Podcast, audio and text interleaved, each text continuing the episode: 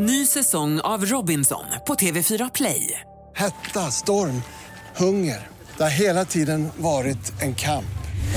Nu är det blod och tårar. Fan händer just nu. Det. är Detta är inte okej. Robinson 2024, nu fucking kör vi! Streama söndag på TV4 Play.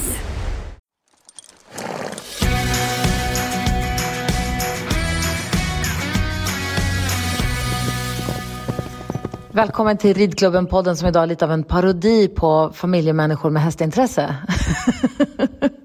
Ja. Alltså, du, du ligger hemma nyopererad och kan inte röra dig. Din familj kom precis hem och jag står med min familj med ena foten ut genom dörren för vi ska till Jönköping och åka på Jönköping Horse Show.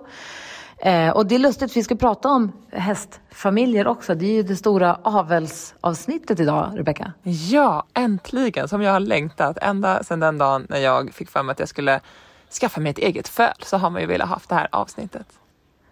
Och nu så ska vi träffa, eller ni ska få höra hur det lät när vi träffade Malin som är ansvarig för eh, aveln och ston och allting på, på Lövsta stuteri. Otroligt spännande. Ni ska få höra allt om spermaslingan och ma- massa andra saker som jag inte visste. Nej, man lär sig ju, alltså det är det, man lär sig någonting nytt hela tiden. Med alla de här vettiga människorna vi Ja. får förmånen att träffa. Ja, och det är vi så glada att Jackson är med och sponsrar podden. Det är vi jätteglada för. Tack snälla Jackson. Jackson var ju med, vi hade ett event på Gustavsbergs ridskola. Um, och då var Jackson där och sålde grejer på det där. Det var Irma Karlsson som hade en klinik i vårt stall. Det var fantastiskt inspirerande och roligt. Och då eh, såldes Jackson grejer där och då är det så kul att se så många som går runt med Mary-kappan och är så himla nöjda. Så verkligen, jag älskar min också. Och jag har precis faktiskt beställt nu ett eh, sånt där 100 grams täcke som du köpte till stora hästarna för jag tänkte att Mooney, ponnyn, också vill ha ett sånt. Det är svårt nu. Där, där, vi, där vi bor i Stockholm så är vädret så lurigt för det kan vara lite kallt på natten, nästan någon minusgrad. Vi har fönstren öppna. Sen ska de ut i, stall, ut i hagen på dagen och då kanske solen ligger på och så vet man att det är svårt med täckena. Det är det jag tänker mest på av allt just nu. Hela tiden. Jag får ofta sms av Gry. Här, Hur gör jag med, nej nu måste jag fråga, hur ska jag göra med täcket? Nej, men det är så svårt. Skitsvårt, jag håller verkligen med dig. Men man får också säga hästarna kommer inte dö, de är jättebra på att reglera temperaturen. Jag är så rädd att de ska bli för varma. Ja, det vill man ju såklart inte. Men jag, jag tror inte att det är någon fara. Vi täcker ju inte våra hästar med 300 gram. Liksom, liksom. och man, jag tror också så här, försöker man ha bra kvalitet på täckena och sådana som andas så att hästarna inte känns som att de är fuktiga under täcket så tror jag att ja, de klarar sig ganska bra. Jag hoppas. Ja, vi är i alla fall jätteglada över alla er som lyssnar på podden. Och inte har ni väl missat nu, jätteviktigt, att vi har ju instiftat, vi har stiftat ett stipendium ju. Ja, alltså jag är så jag är så stolt och himla glad över att det blev så här. Jag pratade lite med, eh, med mamma eh, om eh, att vi ville skapa det här stipendiet eh, och då sa hon att gud vilket fint initiativ. Jag betalade precis här en ridskoleavgift åt en av våra elever som vars mamma är ensamstående och inte hade råd. Och då kände jag så här, men gud om det här då också för mamma har ju då berättat, hon har inte sagt någonting till mig innan. Jag var såhär, varför inte sagt något? Men då, förstå om det här händer hos oss, då borde det också hända hos flera ridskolor. Att det, jag tror att det finns så många där ute som vill rida men kanske inte har möjligheten. Ja, och det är din idé och nu genomför vi det att vi ska ha Ridklubben, poddens ridskolestipendium som man kan söka via vår hemsida ridklubbenpodden.com eller vårt Instagramkonto ridklubben, heter vi, ridklubbenpodden heter vi där. Eh, och det är helt enkelt så att vi den 27 november på lördagen i Friends Arena i samband med och samarbete med också Sweden International Horse Show delar ut ett stipendium där man får ett års betalda ridlektioner av oss. Det är samarbete med Sweden International Horse Show och också Jackson. Ja, alltså gud det ska bli så roligt. Jag hoppas så att det här ger ringar på vattnet och att alla ni som lyssnar delar mer av det här så att vi når ut till alla i hela Sverige. För alla kan ju söka, det spelar ingen Ja. roll, ung som gammal eller vilken nivå man än är på eller rider i Skåne, på Gotland eller i Norrland, vart som helst. Verkligen, berätta för alla dina vänner och har man möjlighet så får man också i sånt fall komma till Friends Arena på lördagen. Man får pass för sig och sin kompis och så får man komma och hämta, eller sin förälder om man är ung då, får man komma och hämta sitt stipendium i arenan där. Hur härligt? Alltså så coolt. jag är rädd att jag kommer gråta. Ja. Så skynda in och kolla in vårt Instagramkonto och följ alla direktiv, eller vad säger man, alla, alla uppgifterna där. Nu så ska ni få höra hur det lät när vi åkte till Lövsta och pratade avel.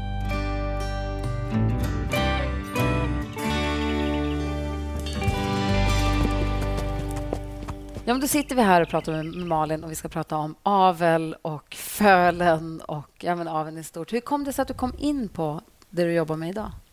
Eller kan du beskriva din... Kan vi börja med att du beskriver vad du gör på jobbet? Ja, men det roliga är att jag gör olika saker året om eftersom min säsong är uppdelad väldigt mycket. Vi öppnar ju seminstationen den eh, ja, första april för hingstarna och den mitten av april ungefär för stona och håller på till augusti ut. Eh, så då är det full fart med löpande band på ston och föl som kommer. Så jag har privat fölvisning varje dag. Det är det som gör det så roligt. Så att veterinären är på plats måndag, onsdag, fredag. Och Det är de dagarna man då samlar hingstarna också. Så då rullar det på så hela, hela sommaren. Men under vintern så jobbar jag med hästarna, rider in unghästarna. Det är inte jag som rider in dem, men jobbar från marken med det. Och, ja, men allt, var, allt det vanliga jobbet och åker runt på hingstvisningar i vanliga fall när inte corona och eh, försöker hitta nya, nya fina hingstar för att kunna erbjuda storägarna. Hur många hingstar har du där du jobbar? Det varierar lite. Vi har hingstar både i Skåne och vi har hingstar hos oss. Vi har ju många i vårt program, men vi samlar ungefär 14 hingstar på Stjärnborg där, där vi liksom själva Lövsta seminstation är, ligger. Men eh, sen samlar vi fem, sex stycken nere i Skåne också. Så att det är full fart. Och vad får du bestämma då? Alltså vad har du, vad, vad har du för nej, men, eh, vi, svängrum? Nej, men vi är ett, ett bra gäng som bestämmer tillsammans. Ja. Men jag är i allra högsta grad delaktig. Och det är det som gör det så himla roligt att vi letar hästar hela tiden och vi letar både bra ston och vi letar bra hingstar och eh, försöker att vara med och erbjuda det nya, senaste och det framförallt ridbara. Det, det vi tror på mest. Alltså, det här är så spännande. Ja, men jag vet, det känns så otroligt drömmigt. Och bara att du får vara med föl varje dag, det gör mig så avundsjuk. Ja, men det är verkligen helt fantastiskt. Det är lätt att glömma det ibland. Och, men alltså, när, när fölen kommer och det är full fart, det är ändå himla härligt. Och det, man blir lika glad hur länge man än jobbar med det. Så när de fölar, det är lika spännande varje gång. Samma adrenalin för mig som när du får ett föl. Ja. När fölen kommer. Och, Ja, det är helt härligt. Är det du som är fölvakt då? Är det du som sitter med den där babymonitorn eller förmonitorn och väntar på att de ska... Ja, men det gör vi tillsammans. Ja. Vi är ju flera som bor på gården, men eh, jag är alltid med vid själva fölningen. Men eh, jag kan ibland få sova på nätterna också, så att vi delar upp det lite grann. Kommer du ihåg din första fölning? Ja, det gör jag absolut. Det var berätta. Jag var berätta. Nej, men otroligt nervöst. Alltså det är alla, jag, tror att, jag tror att man är konstig om man inte är nervös, måste jag säga. För det, eh, det är så här, och kommer, ser man de här två första hovarna hoppas man ju, och så, och snälla hoppas näsan kommer också så att den ligger som den ska. Och, och spännande. Och det första gick otroligt bra. Det var så här skolboksfölning. Så att det, jag är väldigt tacksam för det fortfarande. För att eh, men det är lika nervöst nu med. Och säger så här, det är lätt. Alla proffsen man pratar med säger att man ser direkt när det är dags. Men det gör man inte riktigt, tycker jag. Man gör inte det. Nej, alla är olika. Och, men det som är lätt däremot är att man lär ju känna sina ston. Så har man samma avelston, då har man ju rätt bra koll på hur den, det stoet fungerar. Det tycker jag de följer sina egna mönster väldigt bra. Men så fort du får ett nytt, då är det lika spännande för oss också. Hur ska ja. den, fyller den djuret? Får den vaxproppar? Kliar den svansen? Alltså allt det där. Alla tecken. Man är ju liksom man har ju så många tecken som alla berättar att man ska leta efter. Ja, men det är också lite om man tänker att när man är gravid och ska få barn. Jag kan tänka mig att det är samma, att alla har ju säkert olika tecken på hur det startar. Och det lär ju vara samma för hästarna. Absolut, det är så. Så ja. alla är ju individuella. Så det är, men det man ändå... Man pratar ju ofta om det som går dåligt. Men ja. man får inte glömma att de flesta födningarna går ju väldigt, väldigt bra.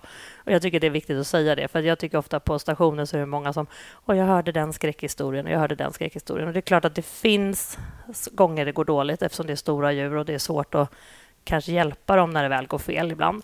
Men de flesta går ju hur bra som helst och då, då är det ju så smidigt så att man ja. nästan är förvånad. Oj, är det klart? Så... Men finns det vissa ston som man connectar, eller som du connectar med, med så, som gör att du känner mer med eller för den? Det måste betyda olika mycket, olika följningar. Tänker jag. Ja, men framförallt så är det otroligt. Vi har haft genom åren så många som vi har ridit på innan som har blivit avelston av någon anledning, antingen på grund av ålder eller kanske tyvärr en skada. Eller, så vi känner dem liksom, att vi har varit ute och tävlat med det stovet, då blir man ju extra förtjust. För då har man en annan kontakt med dem som innan och kanske haft förmånen att få rida på den själv. Det är jätte, jätteroligt, tycker jag. Sen de här som vi köper in som är bara avelston, de känner jag ju inte riktigt på djupet på samma sätt. Men alla föl är lika viktiga, men man får ju såklart olika relationer. Så är det ju med alla hästar. Men har du någon utbildning? Alltså, kan man gå någon utbildning för att jobba med av? För jag tänker att jag, nu var jag inte med själv när mitt eh, sto fölade i våras utan då hade jag henne hos, eh, på en lösdrift där de var kunniga inom området. Men hur lärde du dig liksom hur hela den här grejen med avel och föl och unghästar och hingstar? Och... Nej, men jag har samlat på mig erfarenhet genom åren. Det är faktiskt det viktigaste och framförallt ha väldigt, väldigt bra folk omkring mig som har lärt mig på vägen och väldigt bra veterinärer och rådfrågat och väldigt bra samarbetspartner och sånt där. Så att det är det största. Men sen är jag ju utbildad seminassistent som man behöver vara för att seminera stona och för att samla hingstarna. Och sen bara den vanliga erfarenheten helt enkelt. Så att rutin och, och tid skulle jag säga. Ja, så ditt tips om man är nybliven och vill mm. kanske ta föl och sånt, att man tar ta, hjälp av ta kunniga mycket, människor runt ja, omkring sig. Liksom. Ta mycket hjälp och våga fråga. Ja. Alltså, inga frågor är för dumma, brukar vi säga. För alla ringer alltid och säger förlåt, den här frågan är nog lite korkad, säger de då. Och det finns ingenting som... För man är ju nervös och orolig. Man vill ju verkligen inte att det ska bli fel. Och många saker går ju att hindra att det blir fel om man bara, om man bara är på plats och man har frågat och vet vad man ska göra. Ja. Okej, jag har en dum fråga. I vilken, utsträckning, I vilken utsträckning får hingstägaren vara med och bestämma vilket sto den ska täckas med? Eller som den ska betäcka? Eller som man ska para med? Inseminera med? Egentligen inte alls, skulle jag säga. Om man inte väljer att, eh, att man vill göra en selektering av stona. Men som hingsthållare, som vi då kallar det, så tar man ju oftast emot de flesta stona. Men sen kanske man inte seminerar ponnysar om man har en, halvblod, en halvblodshingst och man kanske inte seminerar liksom en annan ras och sånt där. Det är några som kanske väljer att eh, ja, selektera det så, men de flesta är ju tillgängliga för de, för de flesta stona helt enkelt. Så det finns inget så här att min hingst får inte insemineras med någon som inte har tävlat på den här nivån eller har de här kvaliteterna? Eller? Nej, det finns inga sådana regler. Det, det är upp till hingsthållaren. Det händer givetvis att, att det finns de som kanske väljer att kanske hålla ner antalet ston så, ja. därför att de kanske blir för bokade annars. Och Då kanske man väljer att, att det ska liksom kalas in på ett eller annat sätt. Och Det är väl framför allt några få hingstar utomlands som det har varit så. Men i Sverige det, skulle jag säga att det inte har hänt hittills i alla fall. Nej. Vi har en eh, lyssnare som heter Anna som undrar vad kommer avens inriktning på känsliga och ofta svårridna hästar betyda för sporten? Går det att ha en spets utan en bredd?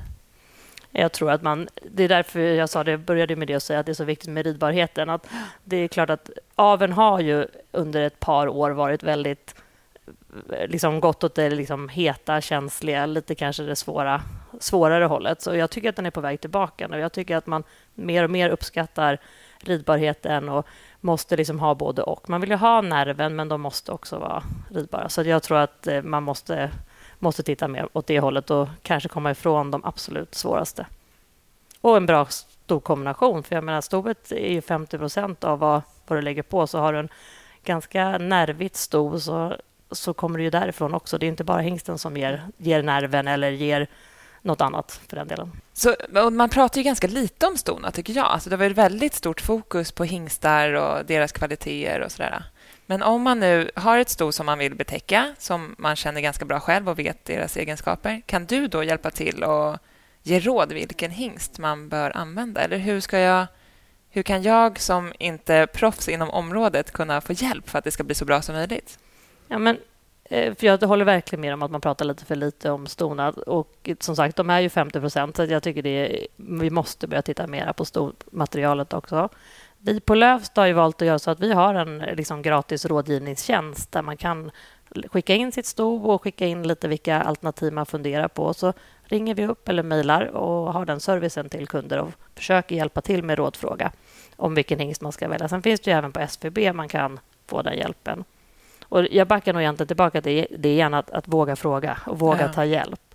Och att man, man måste välja med magkänslan i slutändan. Därför att när du står där med ditt föl så ska du själv känna att det är du som har valt din hingst och att det inte är någon som har sålt på dig en hingst, för det blir aldrig bra. Utan det viktiga men däremot om man väger ska jag ta den eller ska jag ta den? Då kan man ju försöka hjälpa till med de frågor man är osäker på. Liksom.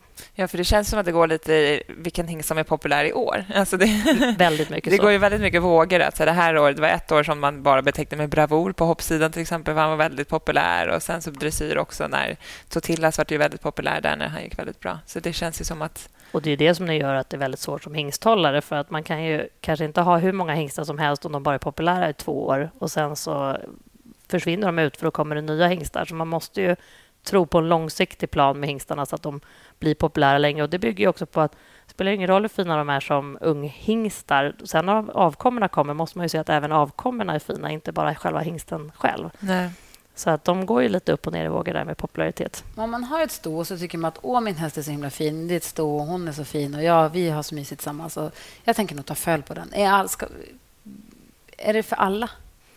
Men jag brukar säga så här att det viktiga är att man har tänkt igenom resan. Då tycker jag att det är för alla och att man tänker hela vägen, inte bara till själva det här fölet. För de både kostar ju och tar ju tiden ända fram tills de är tre år, tills man ska börja rida på dem och så. Men sen så ska man ju inte avla på ett sto som, som inte mår bra. Det är ju det viktigaste. Vi, vi tar emot de flesta storna om de bara är i god kondition och att de liksom är hälsosamma och man ser att de kommer kunna klara av att bära det här fölet tillräckligt länge. Då, då brukar vi inte säga nej. Sen kan vi avråda att det är att, att det inte är ett bra beslut av olika anledningar. Men ofta, bara man tänker igenom det själv och man vet själv vad man vill ha för avkomma. Och kan man tänka sig en kopia på det här stoet, då är det inte fel att avla. Sen kanske den som jag väljer att avla på kanske inte är den du väljer att avla på, utan alla vill ju ha olika ut av sitt föl. Men då om jag har ett sto och så kommer jag till dig och säger hej, jag vill ha ta, Bor den hos er då? Tar ni hand om hela den, alltså när den är dräktig och fölar och allting? Eller hur funkar det där? Men alla gör väldigt olika. Vi försöker på Lövsta att erbjuda det man själv vill. Vissa kommer dit och åker emellan hela tiden och är väldigt eh, ambitiösa och kör fram och tillbaka och kanske lämnar bara de dagarna som den semineras, för då blir det lite varje dag-koll. Och vissa gör så här Hej, nu vill jag lämna mitt sto på beteckning. Jag vill inte hämta den förrän den är 40 dygn dräktig. Och så går de på bete hos oss hela sommaren eller är kvar. Och så så att, eh, vi erbjuder liksom det som kunden önskar. Men de flesta väljer väl att lämna kvar dem lite grann. Det är få som inte har någon övernattning hos oss därför att det blir väldigt intensivt under själva seminperioden. Inseminerar... när kan man börja inseminera? Typ i april? Det är ganska tidigt, va? Ja, det är ganska tidigt, framför allt här i Mälardalen som vi sitter nu. Det, I Skåne så är man väl igång i början av april. Vi, vi säger att vi egentligen inte skulle vilja börja förrän i maj därför att vädret hinner inte med. Det, har en, det känns som det skjuts lite framåt nu. Vi skulle behöva fortsätta längre och börja senare. Men i Europa så är det åt andra hållet och man kan inte samla hingstarna hela tiden så man får hitta en kompromiss där. Ja, och det är en helt då... annan värld, en helt annan logistik än jag håller på med. Jag bara, och där, bara försöker hänga med. Där är du verkligen inne på någonting också därför att det, det som har blivit med aven är ju att det är en enda stor logistikfråga ja. och det är, är, ju kanske lite tråkigt med det därför att vi, det var ju inte så många år sedan som posten slutade ha lördagsutdelning mm. och då liksom vändes ju hela seminvärlden upp och ner. Vad ska vi göra nu? Så nu har det ju tack. För att... därför att vi, man skickar ju sperma måndag, onsdag, fredag ja. och så seminerar man storna tisdag, torsdag, lördag. Och då, när lördagsutdelning, då kunde så. man bara få två dagar i veckan sperma och det, det fungerar inte. Det blir inte en hållbar lösning. Och då har det ju det löst att det finns något som kallas för slingan som går genom hela Sverige. Det är alltså budbilar som har... Eh, liksom, som jobb... kör sperma? Ja, ja, det är spermaslingan. Det är precis det vad det är. Så de liksom ses på olika ställen och där liksom delar de upp lådorna som åker åt olika håll. Och det, alltså det har ju räddat allt. Det är ju, och det är ju 100 säkerhet på det också, för det är inga lådor som kommer bort längre. Med posten kommer det ju bort lådor och lite sådär. Så det är, men som sagt, logistiken från när man har utlandssperma, då ska ju de ju skickas och gå igenom tullen och lite sådana där saker också. Nu då med det här coronaåret har ju det varit väldigt svårt därför nu har det inte gått så många plan. Så missar lådan första planet så är det inte så att det kommer ett till plan. Jag bara tappar ifrån... håret på att prata om det här. nej, nej, och så det är liksom... Man, hästarna är väldigt fertila oftast. Och det går, och hingstarna för den delen också, absolut. Så att det liksom det, både ston och hingstarna är fertila, så det brukar fungera väldigt bra. Men det gäller ju att sperman kommer fram, för ingen sperma, ingen dräktighet. Men spermaslingan, det är det bästa jag hört. Det är så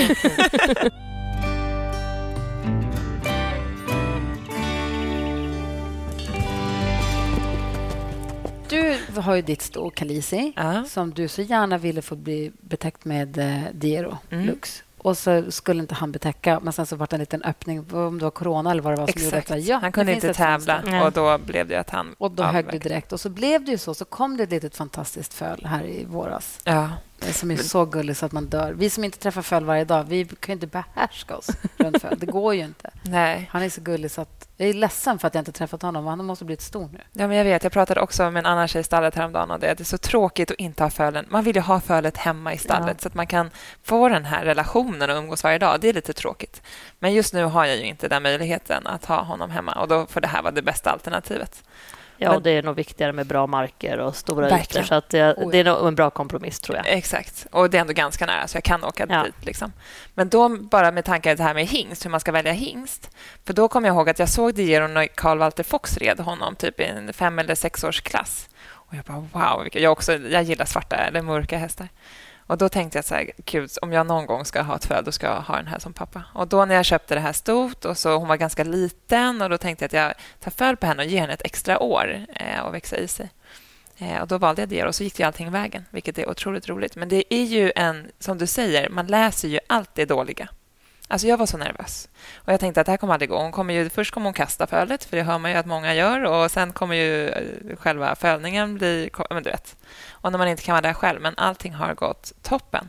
Men hon gjorde så att när hon fällade ute i hagen, då gick det med buller och bång. För först det hände liksom ingenting. Men hon var jätte, jätte, väldigt tjock och de hade gått över tiden och sådär. Och sen helt plötsligt så eh, kom det ett föl på en kvart, typ. Det gick väldigt, väldigt fort. Och hon sprang därifrån. Nej, men oj. Alltså, det var som att hon fick lite... Hon var rädd, typ. Hon Och fattade. det var första fölet, eller? Ja. ja. Hon förstod ingenting. Nej. Så hon sprang därifrån. Och Då fick ju de lite panik som var där och så här, ja, ringde till mig och bara, liksom, hur ska vi göra om hon inte tar det här till sig. och så där. Men sen efter en kvart så kom hon tillbaka och började tvätta och sen har det gått toppen. Men är det vanligt att första... Ja, men jag tror att de, de blir lite chockade själva. Så det, är- det är inte vanligt, men jag tror inte att det är ovanligt heller. Om man säger så. Och skillnaden är också om det hade hänt i en box, då hade ju hon ju inte kunnat fly. Nej. Så då hade det ju kanske varit lite så att den inte hade låtit henne dia från början eller någonting sånt. Och då kan de ju vara lite pipiga. Det kan ju också göra lite ont i början när de vill dia och så där, för de är lite ömma. Och det är precis som med amning. Och det är samma sak. Det är bara att gå tillbaka till, till människan där faktiskt. Men eh, alltså i allra flesta fall, det finns ju någon sån här rysarhistorier om att de inte vill ha dem och att de sparkar på dem och sånt där. Men i vanligast är ju att de sen tar, sig, tar dem till sig. Liksom. Det brukar alltid lösa sig. Men man får ge det lite tid. Så Vad Ja. är nu nästa steg? ja, alltså först tänker jag så här, nu var ju hon dräktig och hon var ju så ung så då red vi inte på henne. Men hur länge tycker du att man kan rida på ett sto som, som bär ett föl? Ja, men man säger ju att de sista tre månaderna är ju då liksom de verkligen fyller på i storlek och blir lite tyngre. Så de sista tre månaderna ska man ju absolut inte rida på dem för det då, är- då är de för tunga och liksom det är inte bekvämt för dem. Men sen så fram till dess tycker jag man ska följa på hur de ser ut och hur de verkar må och lite beroende på vad de har för grundkondition innan. Jag skulle kanske säga att sex månader innan är det kanske ingen liksom, superträning i alla fall. Nej. Utan man, men sen om man motionsrider och vill hålla hästen igång och liksom en yngre häst kan ju fortfarande lära lite saker då. Det behöver ju inte vara så jobbigt för dem. Så att jag, man får sitta till varje, till varje sto helt enkelt. Ja. Och sen så fölar de ju. Och hur tidigt efter fölning kan man börja... Betäcka om. Nej, rida.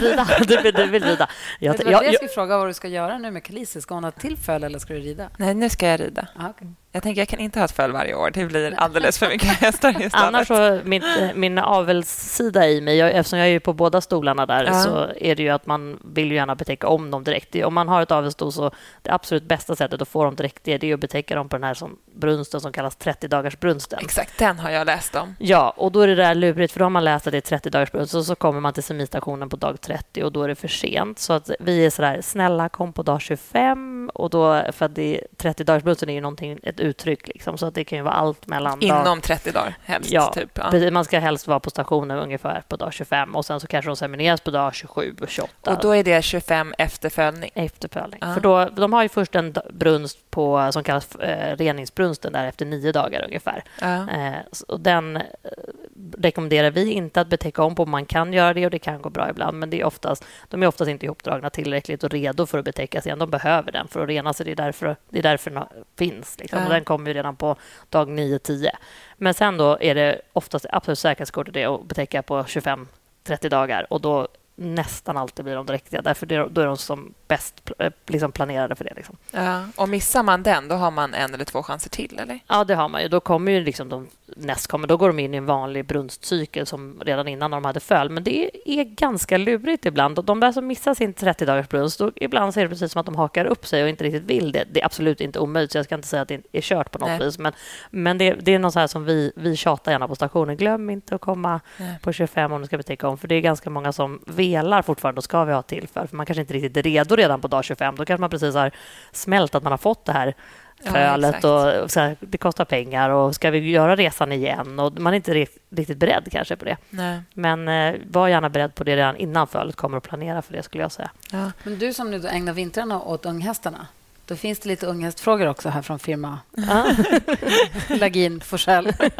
Men då tänker jag, för då, då skjuter man ju egentligen fram beteckningen en månad varje år om man nu tar samma sto och betäcker om. Ja, men de blir ju bara dräktiga 11 månader. Ah, ja, ja, just det. Så då blir det aldrig för sent. Nej, liksom. precis. Så att, och sen så brukar stona är fantastiska, för det, de här riktiga avelstorna, de, de, löser, alltså, de blir dräktiga år efter år efter år efter år. Och Det kan liksom vara allt från tre år i rad till åtta år i rad.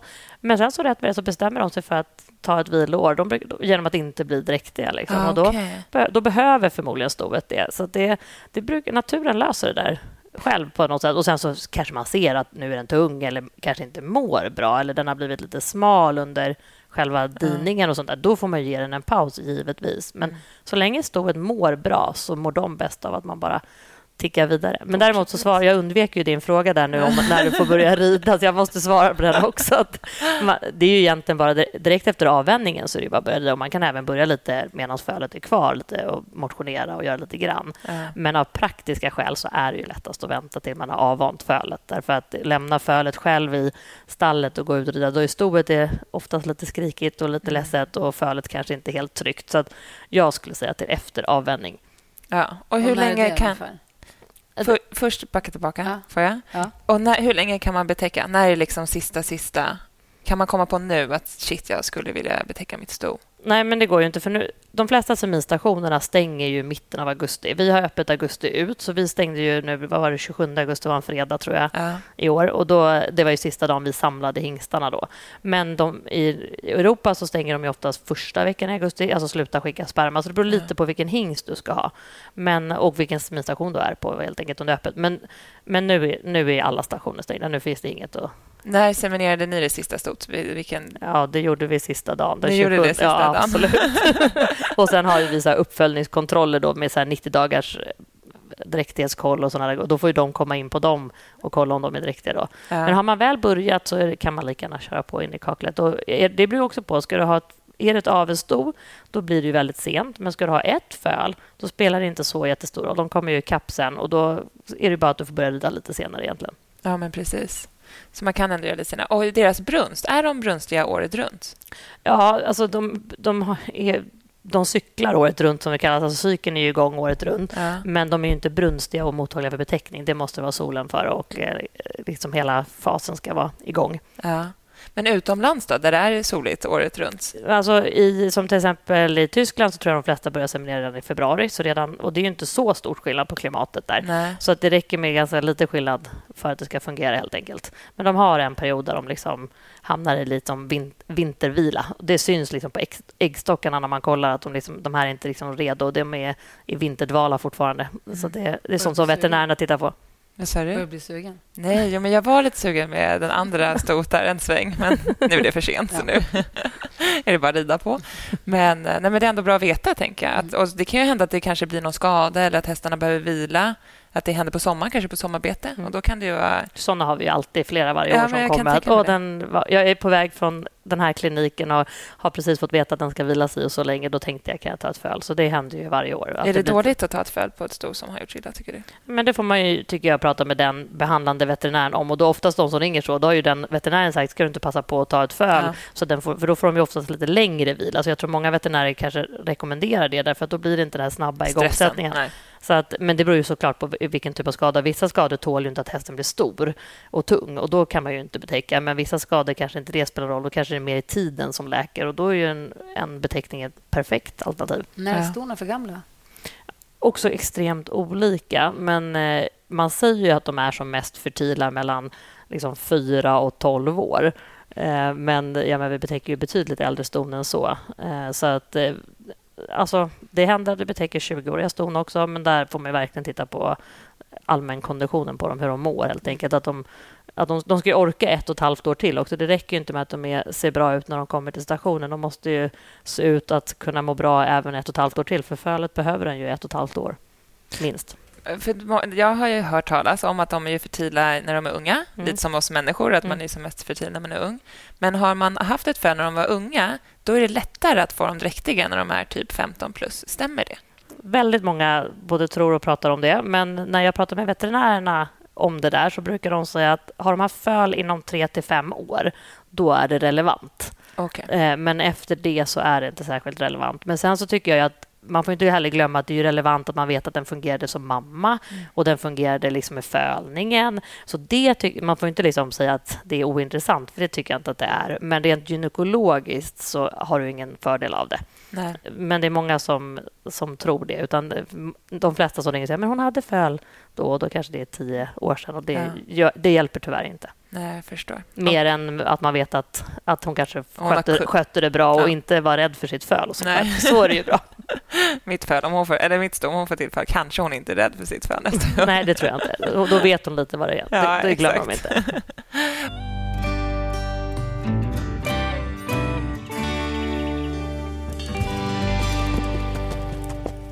Okej, tillbaka till din fråga då, Gry, när eh, man kan avvänja föl och sto. Ja, men där gör ju alla olika. Jag, vi tycker att man inte ska vänja dem före sex månader.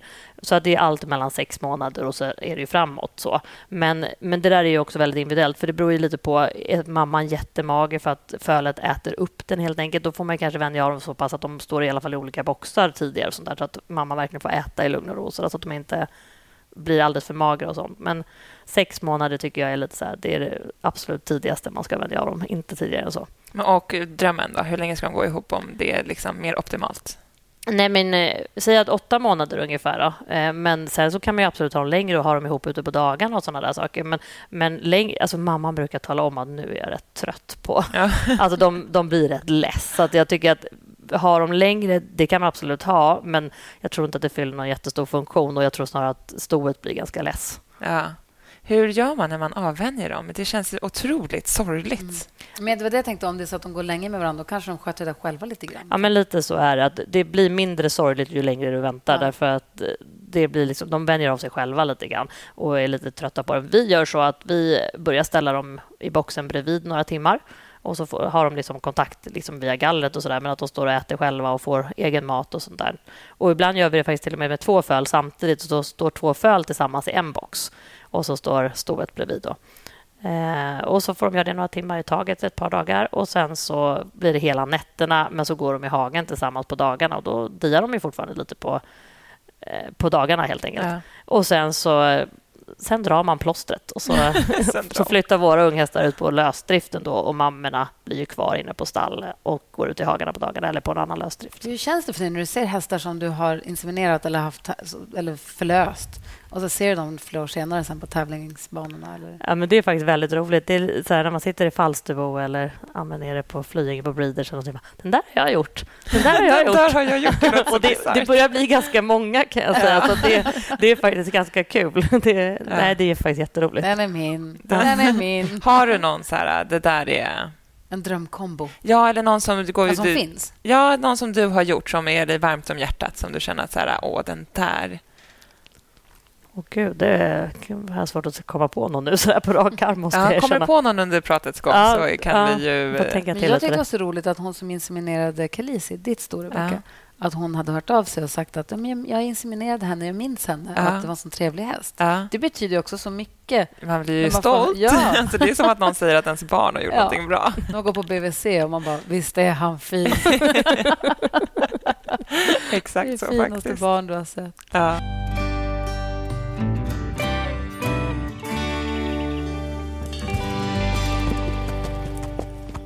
Nej, men för då eh, så går de ju på lösdrift, unghästarna. Och hur mycket, ska man, hur mycket jobbar du med fölen och ettåringarna? Och... Ja, men egentligen inte så mycket, utan mer bara att man ser till att det fungerar att eh, liksom göra hovarna på dem och lyfta benen och att de liksom inte är skygga och grimtränar och går lite sådär. Eh, och när det fungerar, då gör vi inte så mycket mer sen, mer än att vi liksom är ju, det är daglig tillsyn och man eh, liksom lyfter fötterna och kretsar hovarna varje dag, gör vi nere på lösdriften bara för att hålla det liksom, både tränare och att mm. för att man inte vill att det ska sitta stenar i fötterna på dem. Men eh, annars låter vi det vara ganska mycket. Men sen är det vissa individer som vi får jobba jättemycket med, för man märker från början att den är super, super skygg och så där. Då får man kanske lägga lite mer tid på den. Och Det är inte så mycket för att man inte liksom vill lägga tid, utan mer för att de mår bra. De fostrar ju varandra. Jag, ja. jag upplever att det bästa är att ha dem i flock och så löser de det ganska bra själva. Att inte hålla på för mycket. Nej. Men sen vill man ju ha en relation med dem och man är ju där och petar på dem ja. för att man tycker om dem. Det är en annan sak. Men, ja. men inte så mycket fostrande och sånt där från början. Har ni dem inne någonting på, över natten? Ja, de, hos oss bor de på lösdrift, så då liksom har de, är de inne i sina hallar. Liksom, ja. att, och Det väljer de själva. Den är öppen. Om det inte blir riktigt, riktigt kallt, då stänger vi in dem i en så stor, stor lösdrift. Men oftast är det öppet, så väljer de själva om de är inne eller ute. Men med tjocka djupströbäddar som håller värmen helt enkelt. Och tar, då tar ni bara in dem när hovslagaren är där och verkar dem och så släpper ni ut dem igen. Ni har inte så här, var femte vecka tar vi in dem så får de sova en natt inne. nej, att, nej, ingenting sånt. Ingenting sånt. Nej. Utan vi har, har plats för hovslagare nere i vår lösdrift till och med. Sånt där. Ah. Så vi ah. liksom gör allting där. det är faktiskt en hygienaspekt därför att vi inte vill ta in dem bland hästarna som är ute på tävlingar och sådana saker. Så vi vill inte blanda dem med de andra. Så jag delar upp dem i olika grupper så att de inte ska bli smittade. Eftersom Smart. de yngre hästarna är ju väldigt mycket känsligare och får gärna en förkylning, precis som på dagis. Ja. Det är liksom samma, samma lika där. Ja. Ja, men gud vad härligt. Och sen så börjar man jobba lite med dem när de är två och ett halvt. Rider ni in era hästar när de är två och ett halvt? Ja, efter, vi, det är det vi tänker sätta fart med nu i ja. den här årstiden efter seminsäsongen. Vi brukar andas ut lite i september och inte göra så mycket av det jobbet. De är kvar ute då oftast. Och då är de ute på sina beten, inte liksom i lösdriften utan då är de ute på grönbete helt enkelt. Och så plockar vi hem dem vart efter nu och så börjar vi jobba med dem helt enkelt. När de är då lite drygt två, två och ett halvt. Ja, men precis. Och Då är det på med sadel och så sitta upp och bara att det funkar och sen ut på lösdrift. Exakt. Vi gör så, så lite som möjligt egentligen då också fast att allting ändå fungerar. Vi, vi ville komma så långt att de kan rida lösa i ja, helst skritttrav och galopp. Vissa kommer bara till skritttrav med beroende på hur de är i, i kroppen helt enkelt. Ja. Och Sen så släpper vi ut dem igen och så går de där fram till oftast brukar det bli fram till februari. Och Då börjar vi ett nytt ryck igen inför treårstestet och kolla vilka som är redo för att gå tre år. Så, så, så jobbar vi dem lite i perioder. De går liksom inte hela tiden. Och vi kanske gör någonting med dem. Vi brukar rida, rida och jobba dem på något vis tre dagar i veckan och så brukar de löshoppa en dag i veckan. Ja. Det är det de gör ungefär. Och du som ser mycket unghästar och treåringar, då, vad skulle du säga är typiska tecken för att den är redo för ett treårstest och att den inte är redo för ett treårstest? Jag tycker att det är viktigt att det liksom blir en god erfarenhet för hästen. Så att det, liksom inte, det ska inte vara ett ändamål att bara, bara åka dit och göra det till varje pris. Utan då ska det ju vara för att den är trygg och för att den för det första har någonting att visa upp, vill man ju såklart också. Men, men även om hur fin häst du än har, om den liksom är lite för rädd och lite för skygg, då, då kan det bli en dålig erfarenhet som sen förföljer resten av livet. Och Det tycker inte jag att det är värt på treårstestet. Men de som är liksom trygga och liksom stabila och dessutom har någonting att visa upp, de åker vi oftast med. Det tycker vi är roligt. Ja, och Det är också ett kul delmål. Det är kul för både de som har jobbat med hästarna, för personalen och det är kul för, och liksom för hästarna ja, och liksom för oss som hingsthållare vill vi gärna se att våra våra hingstars avkommor är på testen. Det är ju liksom ett kvitto. Ja, men precis. Åker ni iväg då till andra liksom, ridhus eller ställen och tränar dem inför ett treårstest eller tycker ni att det räcker oftast att träna dem hemma och sen åka? Ja, men vi, de, vi brukar oftast åka någon gång. Framförallt åker vi till våra två olika gårdar så de har varit i våra två ridhus i alla fall. Här, liksom bara här hos oss i Väsby. Mm. Men, ja, men de som är stenkola kanske vi inte åker med och de som är spändare kanske vi inte åker alls med till tre år. Så det blir lite så här, beroende på hur de är helt enkelt. Ja. Och även om, för ni har ju både hopp och dressyr, både mm. hingstar och föl. Mm. Eh, och löshoppar ni både dressyr och hopp? Absolut. Och det, på tre år så hoppar ju dressyrhästarna också. Så ja, att, eh, de ska ju kunna kunna genomföra hopptestet där också. Så att alla, upp till liksom tre år så löshoppar alla lika, lika mycket, men kanske lite olika kvalitet. Jag har så roliga lyssnarfrågor också som jag måste få ställa. Ja, eh, Gabriella säger, om man har ett mediokert sto, är det då värt att investera i en amazing hingst? Alltså, jag, där skulle jag säga att det beror ju lite på vad, hur mycket pengar man vill lägga och vad man tror på ska komma ut. Men man ska inte tro på att hingsten kompenserar stoets svagheter Det är väl mer det som är kanske det viktiga budskapet. Men sen tycker jag inte att det är något fel att göra så. Men, eh, och har du tur så slår det bästa igenom. Och har du otur så slår allt dåligt igenom oavsett den här amazing hingsten. Sen ja, som att det så här, inseminera med tortillas eller någon som alla känner till som är så wow och så förväntar man sig att det ska komma ut en sån och så gör det inte det. Nej, man får nog vara beredd på båda alternativen för det går inte att tro att Nej. allt bra bara fastnar bakom. Det funkar tyvärr inte, så då hade avel varit lätt. Det hade varit härligt. Ja. Jag ber om ursäkt för mitt eventuellt felaktiga uttal här, men Pernilla säger att hon letar hingst behöver vara en utan Kidam de Revel. Har ni något tips? Det känns omöjligt. Ja, det är mycket kidamdrevel i, många av hopphingstarna. Eh, jag har inget konkret tips där, men eh, man får leta, man får leta och man får söka helt enkelt. Det är väldigt bra att gå via Horsetailings, tycker jag. Väldigt bra verktyg. Och sen så vän här som undrar, hur går det till om man vill ha ett följ via ett surrogatsto? Tror jag att det står. Mm. Embryotransfer, det, det jobbar vi med eh, som en av de få stationerna i Sverige som gör det. Nu är det ett par till stationer som gör det. Man seminerar till sto precis som, som vanligt.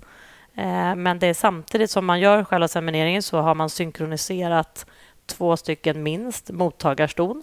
Därför att anledningen till att man gör två stycken är därför att det är inte så lätt att synkronisera. De måste vara ju perfekt i, i fas med varandra och då vill man ha två stycken så att man vet att kanske en av dem blir perfekt. De ska ha ägglossning typ samtidigt? Ja, helst två dagar senare.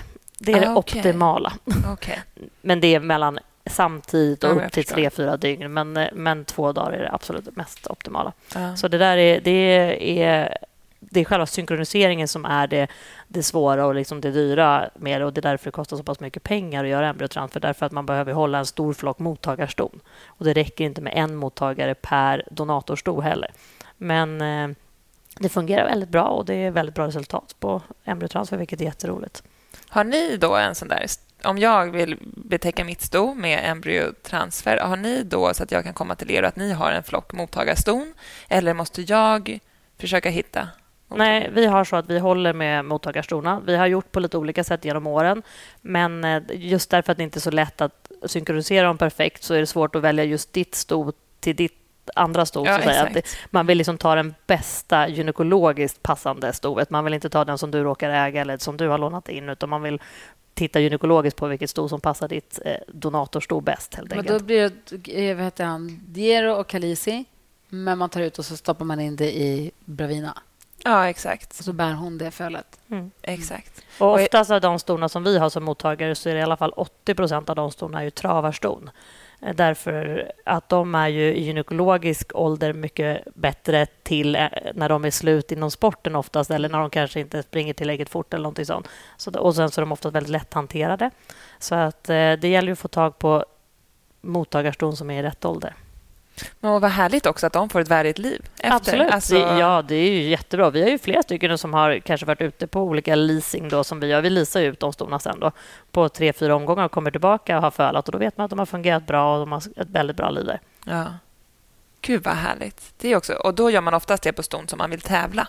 Ja, alltså det är det som är hela syftet med embryotransfer. Tycker jag. Att antingen att det är ett sto som av någon anledning inte kan bära fram sina föl. Det finns ju sådana ston också som varje år blir dräktiga men, in, men kastar varje gång mm. att, på grund av att det är något fel på dem. Men att de blir de bara dräktiga, då kan man ju ta ut embryot och så kan man stoppa in det och placera det i en mottagare. Eller så är det ju då att man inte vill slösa den här, du som är ridsugen, ja. du inte vill slösa den här avvändningstiden och 11 månaders dräktighet och sådär. Ja. Eh, så det är, det är ju de hästarna. Det, det låter lite hemskt. Alltså.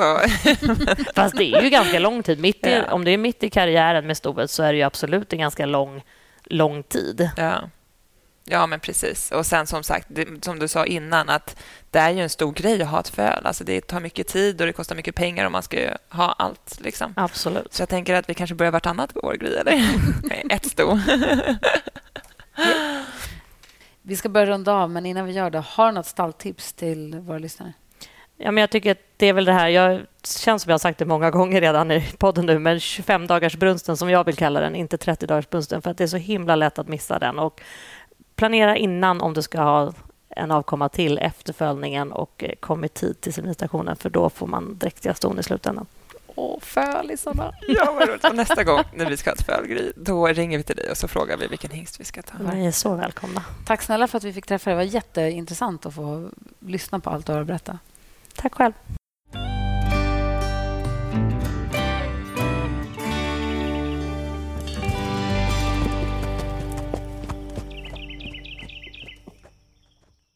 Ny säsong av Robinson på TV4 Play.